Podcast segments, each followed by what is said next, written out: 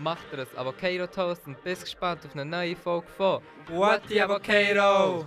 mit dem Tim. und Yannick.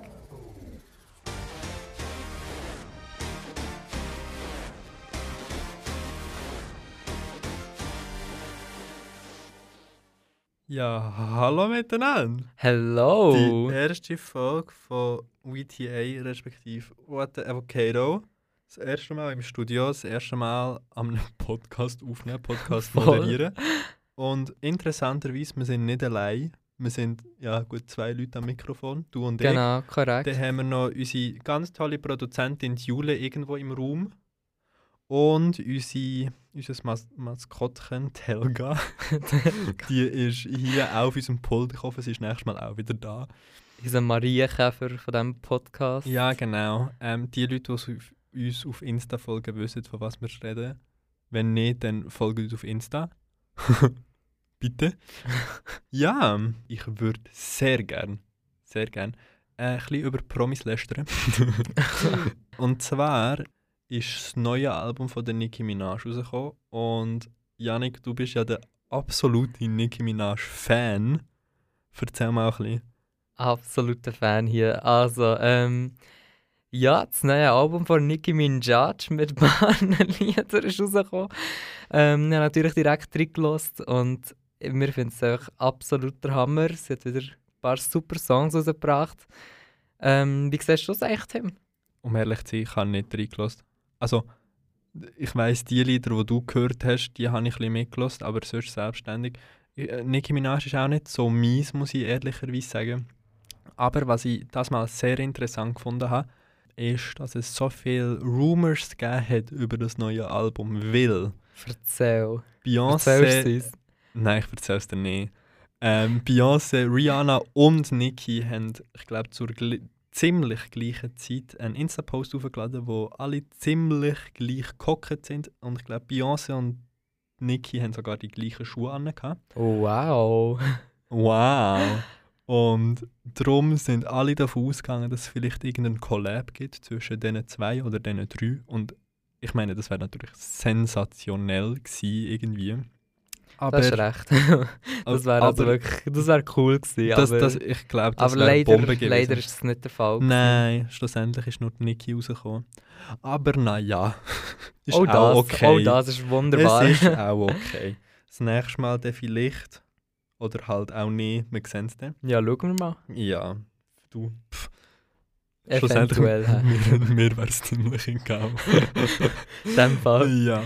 So, dann, was haben wir noch sonst so auf unserer Promi-List? Also Wir irgendwo haben- habe ich gehört, dass Ellen DeGeneres aufhört. Ja, Ellen DeGeneres hört auf, falls jemand Ellen DeGeneres nicht kennt. Dann bitte googeln und sagt mir nicht, dass sie sie nicht kennen, weil. Mm Es stimmt einfach nicht. ja, nein, sie hört auf nach, ich glaube, 15 Staffeln. Oder 16. I mean, I mean, wie lange ist das jetzt bitte her, seitdem dass die, e- die allererste Folge rausgekommen ist? Das sind Eben, ja, fünf- safe paar Jahre, also Äh, eben. 15 Jahre oder Fünf- so. 15 Jahre gleich 15 Staffeln, genau. Aber letztes Jahr ist ja die Sendung so ein bisschen in Verruf gekommen, wegen, ich glaube, schlechter Mitarbeiterhaltung oder so. Ich ja, glaub, nein, aber weil sie Ellen wegen hat- Corona eigentlich so umgegrenzt hat. Das kann Wegen ihrem, auch wegen sein. Riesenhaus, wie langweilig das wäre. I mean, Du, ich weiss es ich so ein genau. Haus, ich weiß jetzt nicht, ob er wirklich langweilig wird werden. Ich weiß nicht, was, was dort los ist. Ich habe sie immer gerne gehabt. Gut, ich habe mich jetzt das letzte Jahr auch nicht mehr wirklich darum getan, was eben da in ihrem Studio gelaufen ist.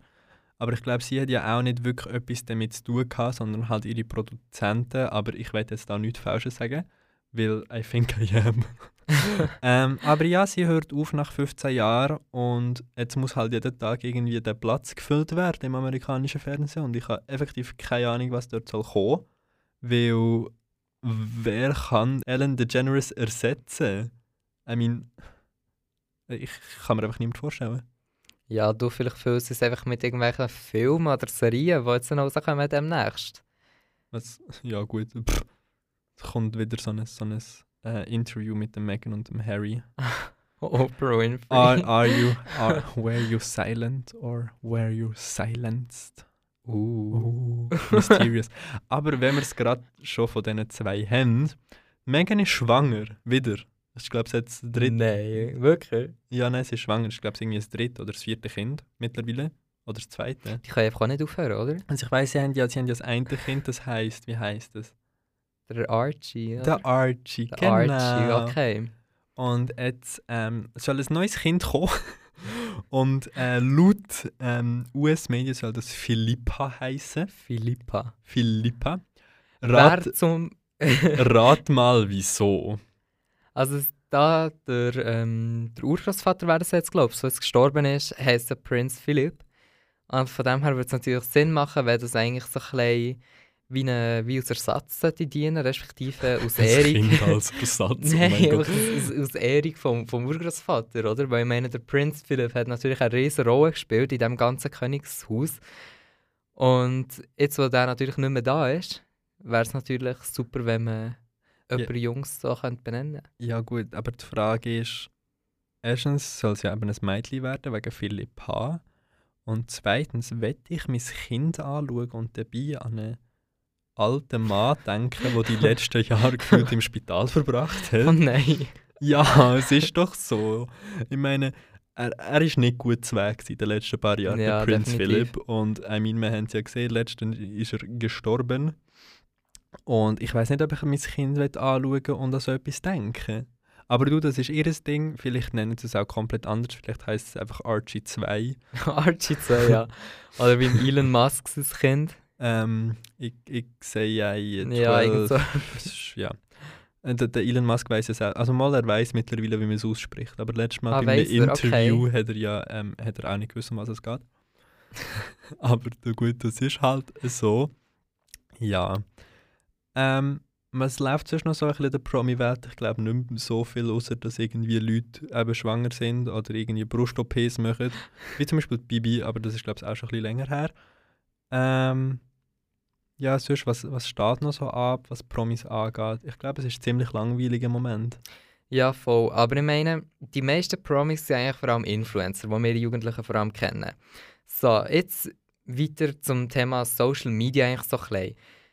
Da gibt es ja ganz viele Leute, die leiden eigentlich an einer Handysucht. Jetzt vor allem eigentlich die Jungen, oder? Die natürlich gefühlt 24-7 einfach müssen online sein Snapchat, Instagram etc. Wie sieht das eigentlich so bei uns aus? Gut, aber also Handysucht, gell? zuerst muss man immer so ein bisschen definieren, was ist Handysucht überhaupt? Oder wie, an was macht man Handysucht aus? Indem, dass man das Handy immer die ganze Zeit bei sich trägt, weil dann wär, wären alle Jugendlichen handysüchtig. Gut, ich glaube, noch kein einziger Jugendlicher hat von seinem Mami oder seinem Papi so gehört, du bist eine Suchti. Also nicht gerade so, logischerweise. Ja, doch, Aber ich glaube, glaub- fühlt schon. Ich glaube, das ist heutzutage schon recht Das ist so der. Standardsatz, so oder? Standardsatz, korrekt. Genau. Ähm, aber ja, Handysucht, definiert das mal. Also, das Ding ist, ich bin schon, ich, ich würde schon sagen, ich bin einigermaßen oft am Handy. Aber es gibt, glaube ich, um einige schlimmere Leute als mich. Ja, definitiv. Aber meiner Meinung nach ist es nicht einmal nur so, dass Handysucht eigentlich bedeutet, einfach die ganze Zeit am Handy zu chillen. Sondern es bedeutet wahrscheinlich auch so ein bisschen, dass man nicht davon wegkommen kann oder dass man einfach wieder das Gefühl hat, okay, ich muss jetzt schauen, weil wieder irgendetwas ist reingekommen. Das Ganze wird natürlich auch recht getriggert eigentlich durch, durch zum Beispiel Smartwatches wie eine Apple Watch etc. Ich meine, wenn es dort die ganze Zeit vibriert, weil wieder irgendjemand einen Snap geschickt hat oder so, und man dann direkt muss schauen, oh mein Gott, was ist jetzt los, was, was ist abgegangen, wieso schickt mir Person X jetzt eigentlich einen Snap. Ähm, ich glaube, das ist eigentlich auch recht etwas, was man unter Handysucht kann definieren kann. Eigentlich eine so kleine Sucht, oder? dass man gäng wieder muss online sein muss, um zu schauen, was ist eigentlich jetzt aktuell los und, und was gibt es für Neuigkeiten. Es gibt ja, soviel ich weiß, eine offizielle Krankheit, also nicht Handysucht, aber ähm, die Krankheit nicht, also wie soll ich das beschreiben? Es ist eigentlich ein, ein Disorder, also eine psychische Störung. Und zwar die psychische Störung, dass man nicht kann uninformiert sein. Das heißt, man muss irgendwie jederzeit über alles informiert sein, was zum Beispiel eben auch auf dem Handy läuft. Und man kann das Handy nicht weglegen, weil sonst würde man ja dann nicht informiert werden über etwas. Und ich glaube, es gibt eine offizielle Krankheit, wo genau eigentlich das Krankheitsbild so ein bisschen beschreibt. Und ich finde das enorm interessant, weil ich glaube, die Handysucht per se ist keine offizielle Krankheit. Ich weiß im Fall nicht. Also ich glaube schon, dass es mittlerweile immer wie mehr eigentlich aufkommt, dass das Ganze fast wie als Krankheit angeschaut wird. Weil, ich meine, es gibt Von den so Alten sowieso. das sowieso. Aber ich meine, es gibt so viele Leute, die eigentlich gefühlt 24-7 nur noch am Handy sind, nonstop schauen, was eigentlich wieder, wieder Neues ist reingekommen. Und, und aus dem Grund glaube ich schon, dass das eigentlich vor allem auch in der Zukunft gerade eine recht grosse Rolle eigentlich wird spielen was da abgeht online und, und was man schon fast als Sucht kann betiteln Ich meine, es ist eigentlich auch, auch fast ein bisschen wichtig, zu schauen, wie das aussieht, so finanziell, oder? Das stimmt, das würde ich auch sagen. Aber jetzt ist so ein bisschen die Frage, es interessiert mich eigentlich, wie lange bist du so etwa durchschnittlich am Handy? Jetzt nehmen wir mal die Woche, weil es würde mich schon interessieren, muss ich sagen. Die Woche. Okay, also wir haben natürlich da beide unsere Handys vortragen. Wie wäre es auch anders in unserem Alter? Sehr professionell unterwegs sind wir heute. Genau, nein, also bei mir steht jetzt von dieser Woche ist es 3 Stunden und 48 Minuten als Tagesdurchschnitt. Okay, ja gut. Ähm, dann darf ich ja nichts sagen. Ich habe 4 Stunden 20 und die Woche davor habe ich... ich weiß gar nicht, ob ich das darf sagen. Ich habe ähm, ein bisschen über 8 Stunden. 8 Stunden? Ja. Okay, bei mir war es letzte Woche 5 Stunden und 20 Minuten. Gewesen. Okay, ja gut. Ich schließe jetzt mal die ähm, App bei mir wieder. Ja gut, aber Ich will- allgemein... Ich will jetzt nicht noch mehr erzählen. natürlich, und allgemein ist das sowieso so ein Thema, gell? Ich finde, man kann nicht unbedingt nur darauf gehen, wie lange du eben am Handy bist, sondern eben auch so ein bisschen wie oft, oder? Und wenn wir gerade schon bei dem sind, was ist eigentlich so ein unsere, unsere most used Apps? Also bei mir ist es definitiv Snapchat, würde ich jetzt behaupten. Was, was machst du so lange auf Snapchat, Janik? Also weißt du, ich, ich meine, ich brauche Snapchat auch viel. Aber das. Ja, klar, aber ich meine, auf Snapchat sind halt einfach gefühlt alle meine Kollegen oder wenn ich irgendjemand Neues kennenlerne und, und es ist halt einfach eine mega gäbige Plattform, oder? Also ich meine, man kann etwas in eine Story posten, also fast ein bisschen, fast ein allen zeigen, was man eigentlich am machen ist oder so. Man kann private Stories haben, man kann mit Freunden snappen, man kann schreiben, man kann telefonieren, man kann Sprachaufnahmen machen, einfach gefühlt alles, was einfach auf, auf den anderen Plattformen auch möglich ist, oder? Oh, neues Thema. Wird WhatsApp durch Snapchat ersetzt? Nein. Aber ähm, ja, gut, in dem Fall, in dem Fall hast du so viele Kollegen. Wie viele wie viel Kollegen hast du auf Snap? Was schätzt du? Wie viele Kollegen? Oh yes. Also weißt du, so, äh, gut, die Frage ist auch, was, was, was sind Kollegen? Mein, weißt du, so, Ja, halt einfach Leute, die ihm folgen, würde ich das so definieren für Snapchat, weil da kannst du ja nicht wirklich... ja, du kannst- 17 hat 3000 Kollegen. Nein, ich weiß nicht. Nein, also ich meine, ich würde jetzt schon sagen, dass das mindestens im, mindestens im drei- oder vierstelligen Bereich ist. Aber... Äh, Okay, das ist hart. Ja, bei Snap zählt eigentlich vor allem eigentlich so der Snap-Score oder wie viele Flammen das man hat, oder? Also ich meine, Strikes ist sowieso auch so etwas, was gefühlt eigentlich nur die Jugendlichen machen. nicht einmal mehr. Ich kenne enorm viele Jugendliche, die es gar nicht mehr machen, sondern was früher einfach mal gemacht haben, was wirklich enorm in war, irgendwie, weiß nicht, 2015 oder so. Ähm, und die machen jetzt nicht mehr, surprisingly. Aber eben, es gibt noch ganz viele, die es machen, zum Beispiel du, Janik. Und ich glaube, dein Snap-Score ist irgendwie über 600'000, oder? Ja, korrekt. Das ist mittlerweile irgendwie 650'000. Und ich finde einfach, es ist zu viel. Es ist definitiv zu viel. Wieso hörst du denn nicht auf? Ja, es ist halt fast ein süchtig. hä? da Nein, haben wir es wieder. ähm, Nein, okay. Ja, es macht halt Spaß, oder? Wenn man einfach jedem, jedem wo man eigentlich, mit dem, wo man Snap, Snap Scores, Snaps, wie sagt man dem, ja, Strikes hat, ähm, Snap Days. ja, Snap Day, es hat einfach am Morgen schnell Guten Morgen zu sagen und am Abend Gute Nacht. Je nachdem kann man mit irgendetwas fast flexen oder, Oh, oh, oder oh, Werbung oh, oh. machen. Nein, also ich meine, wenn man irgendetwas Neues rausbringt, ein neues Projekt oder wie jetzt mir zum Beispiel hier, gerade der Podcast. Also ich meine, du kannst mir nicht sagen, dass du es noch nie auf Snapchat gepostet hast. Mal, ich glaube, auf Snapchat habe ich es einmal gepostet, aber Snapchat ist jetzt nicht so meine Werbeplattform. Ich tendiere da eher noch zu Instagram. Obwohl das nicht einmal meine most used App ist. Meine most used App ist eher sogar TikTok. Gut, wer kennt es nicht? Ich glaube, seit TikTok draussen ist, hat das einfach so einen Hype an sich gezogen. Also bevor, ähm, nachdem halt Musical.ly zu TikTok geworden ist. Und ich glaube, seitdem ist das krass am Boomen. Also ich, vor allem weil es halt einfach, es macht wirklich, die App macht süchtig, weil man muss eigentlich gar nicht viel machen. Man schaut einfach zu, man lässt zu und wenn es einem nicht mehr gefällt, tut man einfach swipen. Man swipet, man swipet, man swipet. Ist eigentlich das gleiche Prinzip, wie so Tinder so gut funktioniert. Dort swipet man auch. Es ist einfach I unterhaltsam. See. Nein, und vor allem, was natürlich auch ein sehr, ein sehr wichtiger Punkt ist bei TikTok, ist natürlich die ganzen Sharing-Möglichkeiten, oder? Also ich meine, gefühlt, wenn man nur auf Instagram ist, sieht man überall TikToks, auf Snapchat sieht man überall TikToks, in den WhatsApp-Stories sieht man TikToks. Und auch wenn man einfach mit, mit Freunden draußen ist und so weiter, schaut man gemeinsam irgendwelche TikToks oder so.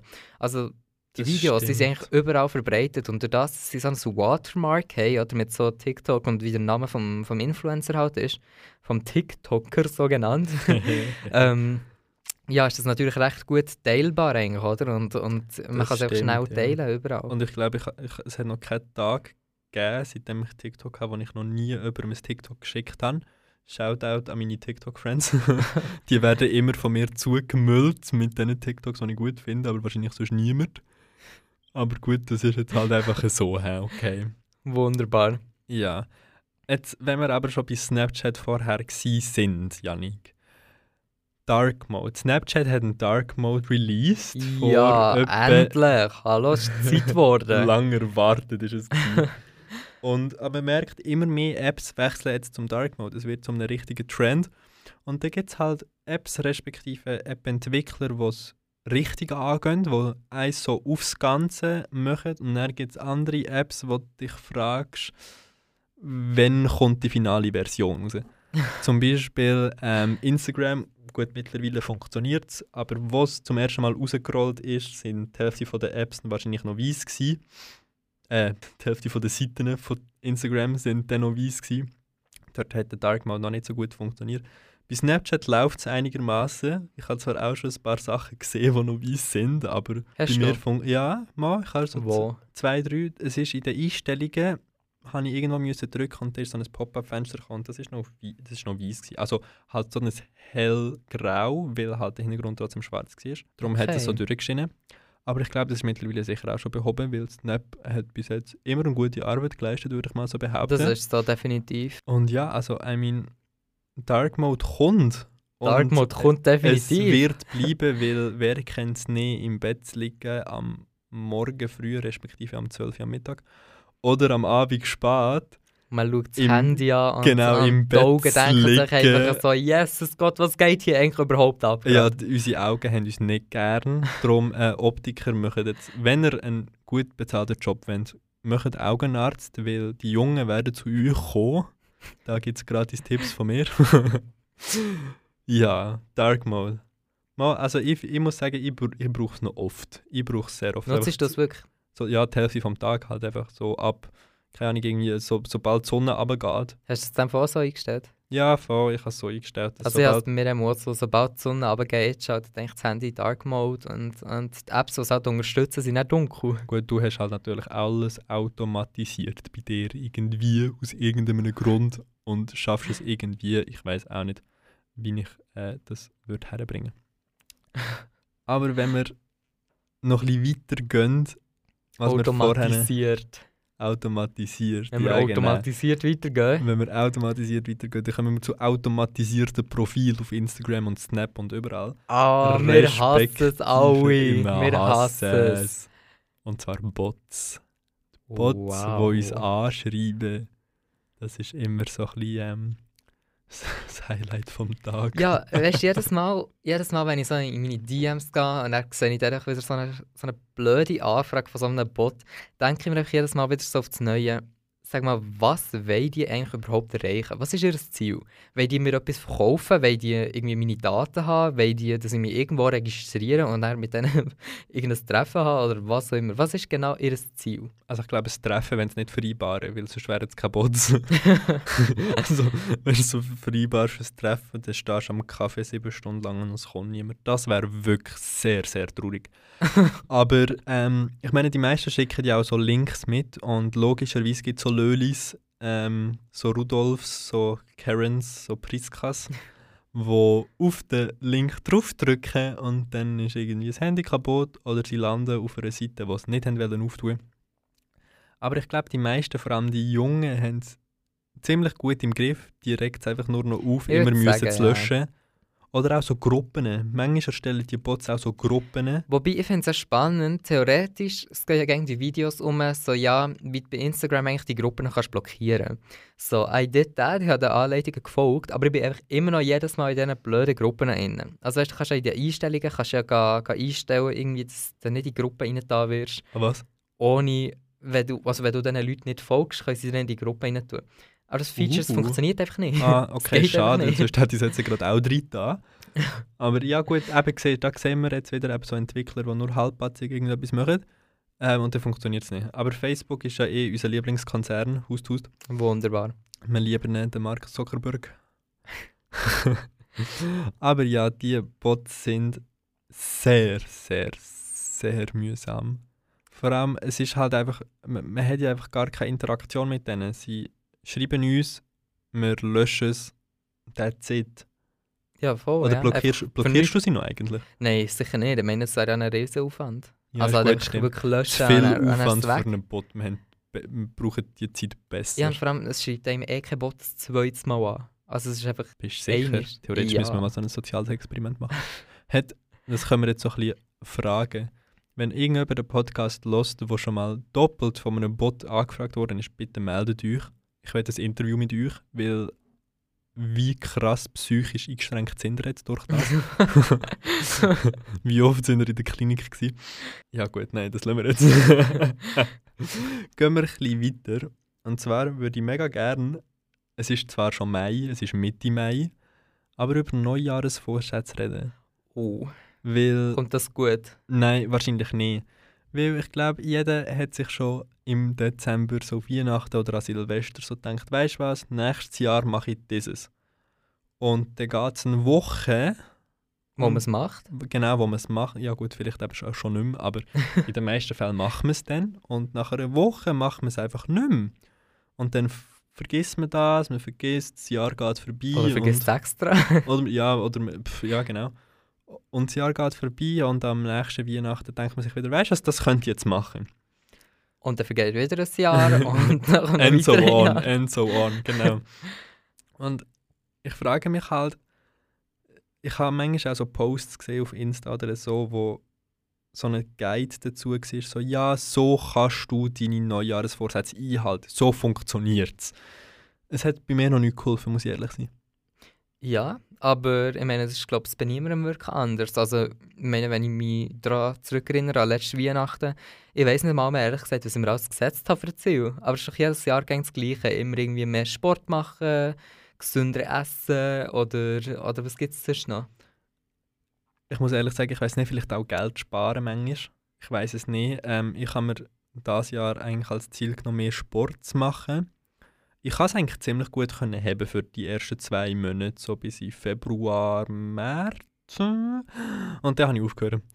Und eigentlich habe ich mir jetzt nicht als Neujahresziel, sondern äh, so ein bisschen generell als Ziel wieder genommen, das wieder aufzugreifen. Aber ich muss ehrlicherweise sagen, ich weiß nicht, ob ich das herbekomme. Und ob ich halt einfach jetzt das halbe Jahr abwarte, bis wieder Januar ist, weil dann habe ich irgendwie mehr Elan dazu, also mehr Motivation. Ja, dann versuchst du es halt wieder und dann geht es halt wieder nicht. Ja, aber ich, ich finde ich find das eigentlich noch interessant, weil während dem Jahr macht man sich eigentlich nicht so Ziele, weil dort ist man einfach gar nicht motiviert dazu. Man ist einfach am motiviertesten wirklich Ende Jahr, aufs neue Jahr. Und ich finde das enorm witzig, weil es ändert sich ja nichts. Ja gut, doch, ich glaube, das sind sowieso einfach mehr so psychische Sachen, die man wieder zum Beispiel von den Social Media einfach so hat, dass einfach wie vorgeschrieben wird, ja, weißt du was, es fängt ein neues Jahr an, setz dir doch irgendwelche Ziele, die du versuchst einzuhalten. Und schlussendlich merkst du dann halt nach einer Woche oder so, weißt du was, eigentlich ist es gar nicht das, was ich wirklich wollte. Weil wenn du nämlich etwas wirklich willst, dann habe ich das Gefühl, machst du das so oder so durch das Jahr.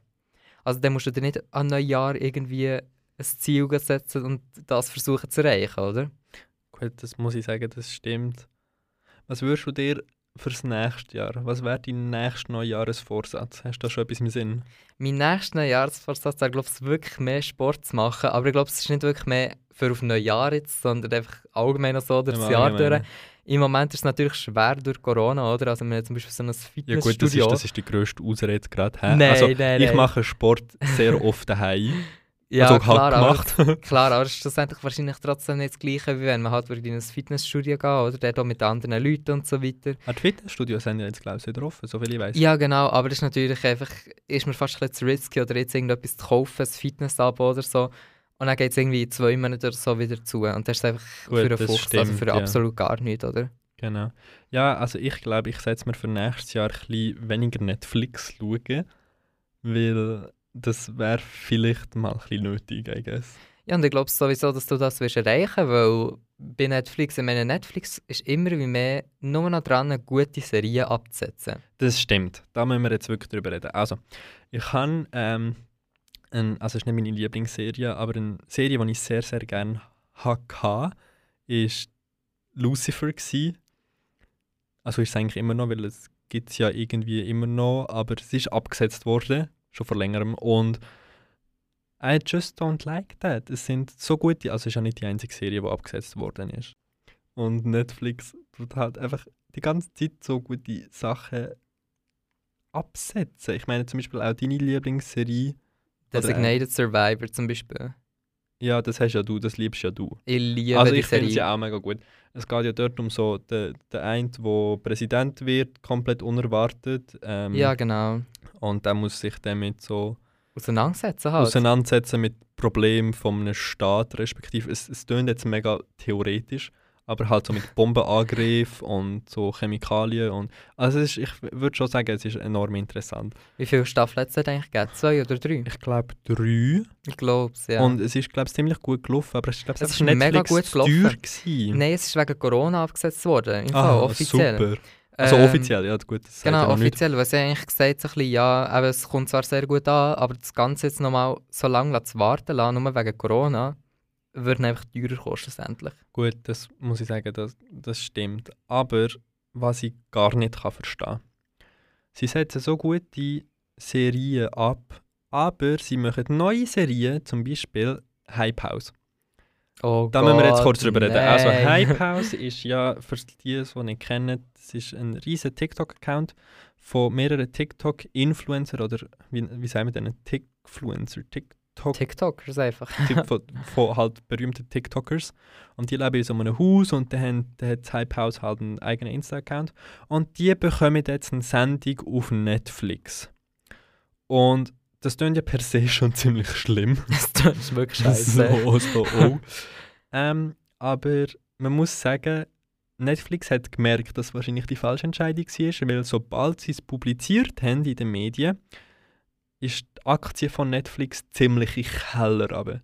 Also man hat wirklich können live mitschauen, wie einfach die hure Linie vom Aktiending einfach ziemlich, wirklich ziemlich senkrecht einfach in Keller runter ist. Mittlerweile hat sie sich wieder erholt, aber ähm, sie ist schon ziemlich in Keller runter. Und ja, ich weiß nicht, ich glaube, das wird einfach eine Serie und dann wird sie dann hoffentlich auch abgesetzt.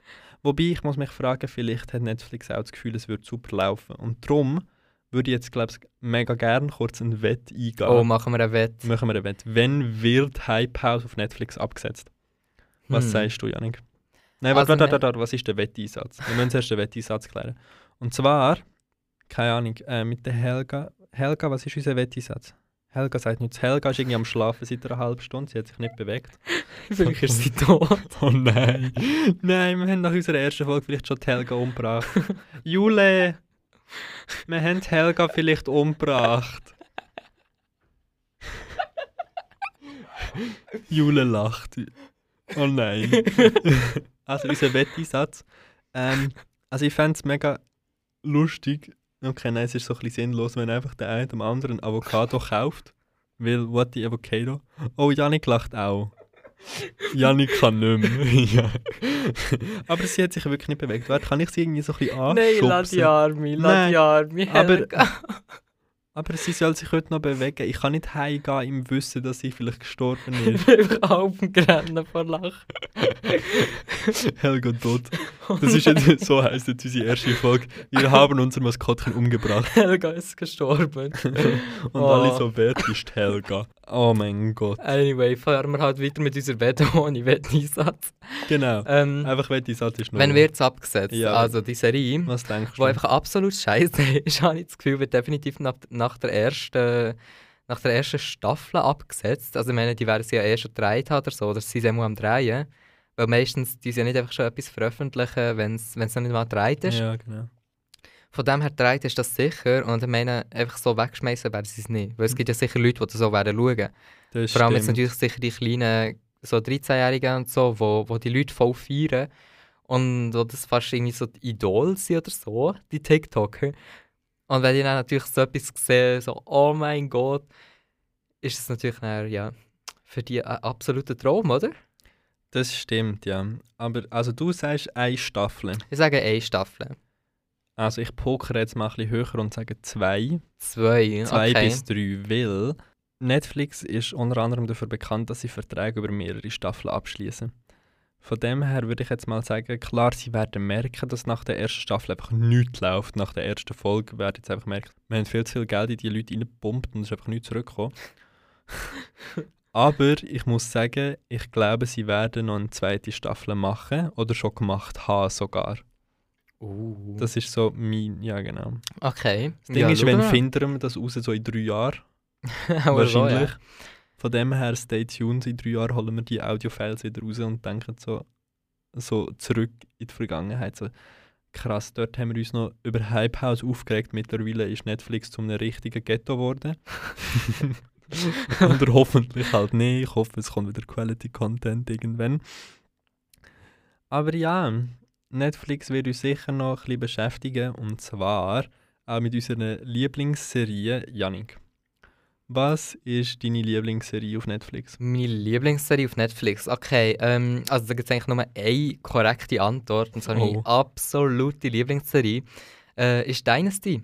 Dynasty? Dynasty, ja. Okay, erzähl ein bisschen. Was Also bei geht's? Dynasty geht es eigentlich darum, es ist so eine, so eine reiche Familie. Die Familie heißt Familie Carrington. Ähm, und klar, alles ist ein überspitzt dargestellt. Es ist so eine amerikanische Serie, oder? Eine typisch amerikanische Serie. Es geht nur um Geld, um Reichtum, um Macht. Ähm, schlussendlich auch irgendwie ein Mord etc. Und ähm, ja, wer mir dort sicher besonders gefällt, ist Fallon Carrington. Das ist eigentlich die Tochter vom, vom Reichen. Und sie hat halt so eine, so eine richtig lustige Attitude, sage ich jetzt einmal. Also halt so richtig bitchig und, und einfach... Ich glaube, so richtig so der Boss. ja, Sie halt, hat so die Boss-Attitude. Ja, und halt so, wie man sich einfach eine reiche Person vorstellt. Okay, ja gut. Wieso nicht, oder? Wieso nicht? Korrekt. Und ähm, ja, jetzt kommt ja das Jahr übrigens Staffel 4 raus. Staffel 4, also in dem Fall. Bis Ende Jahr gibt es vier Staffeln, das heisst, die Leute haben genug zum Schauen. Definitiv. Und ich habe es auch mal gesehen, es ist schon enorm unterhaltsam. Es ist echt gut. Das finde ich gut. Ähm, jetzt zu mir, meine Lieblingsserie und ich hoffe, es kennen sie alle, weil sonst wäre ich schon ein bisschen beleidigt. Haus des Geldes, Casa del Papel, Uh. glaube ich. Auf äh, Spanisch. Ja, es ist eine spanische Produktion. Es ist eigentlich, soviel ich weiß, die bestlaufende Netflix-Eigenproduktion, die eingekauft ist. Also es ist eigentlich keine Eigenproduktion, aber sie vermarkten es als Eigenproduktion. Und ähm, es geht eigentlich um Bankräub. Also respektive um Geldraub, um sehr grossen Geldraub.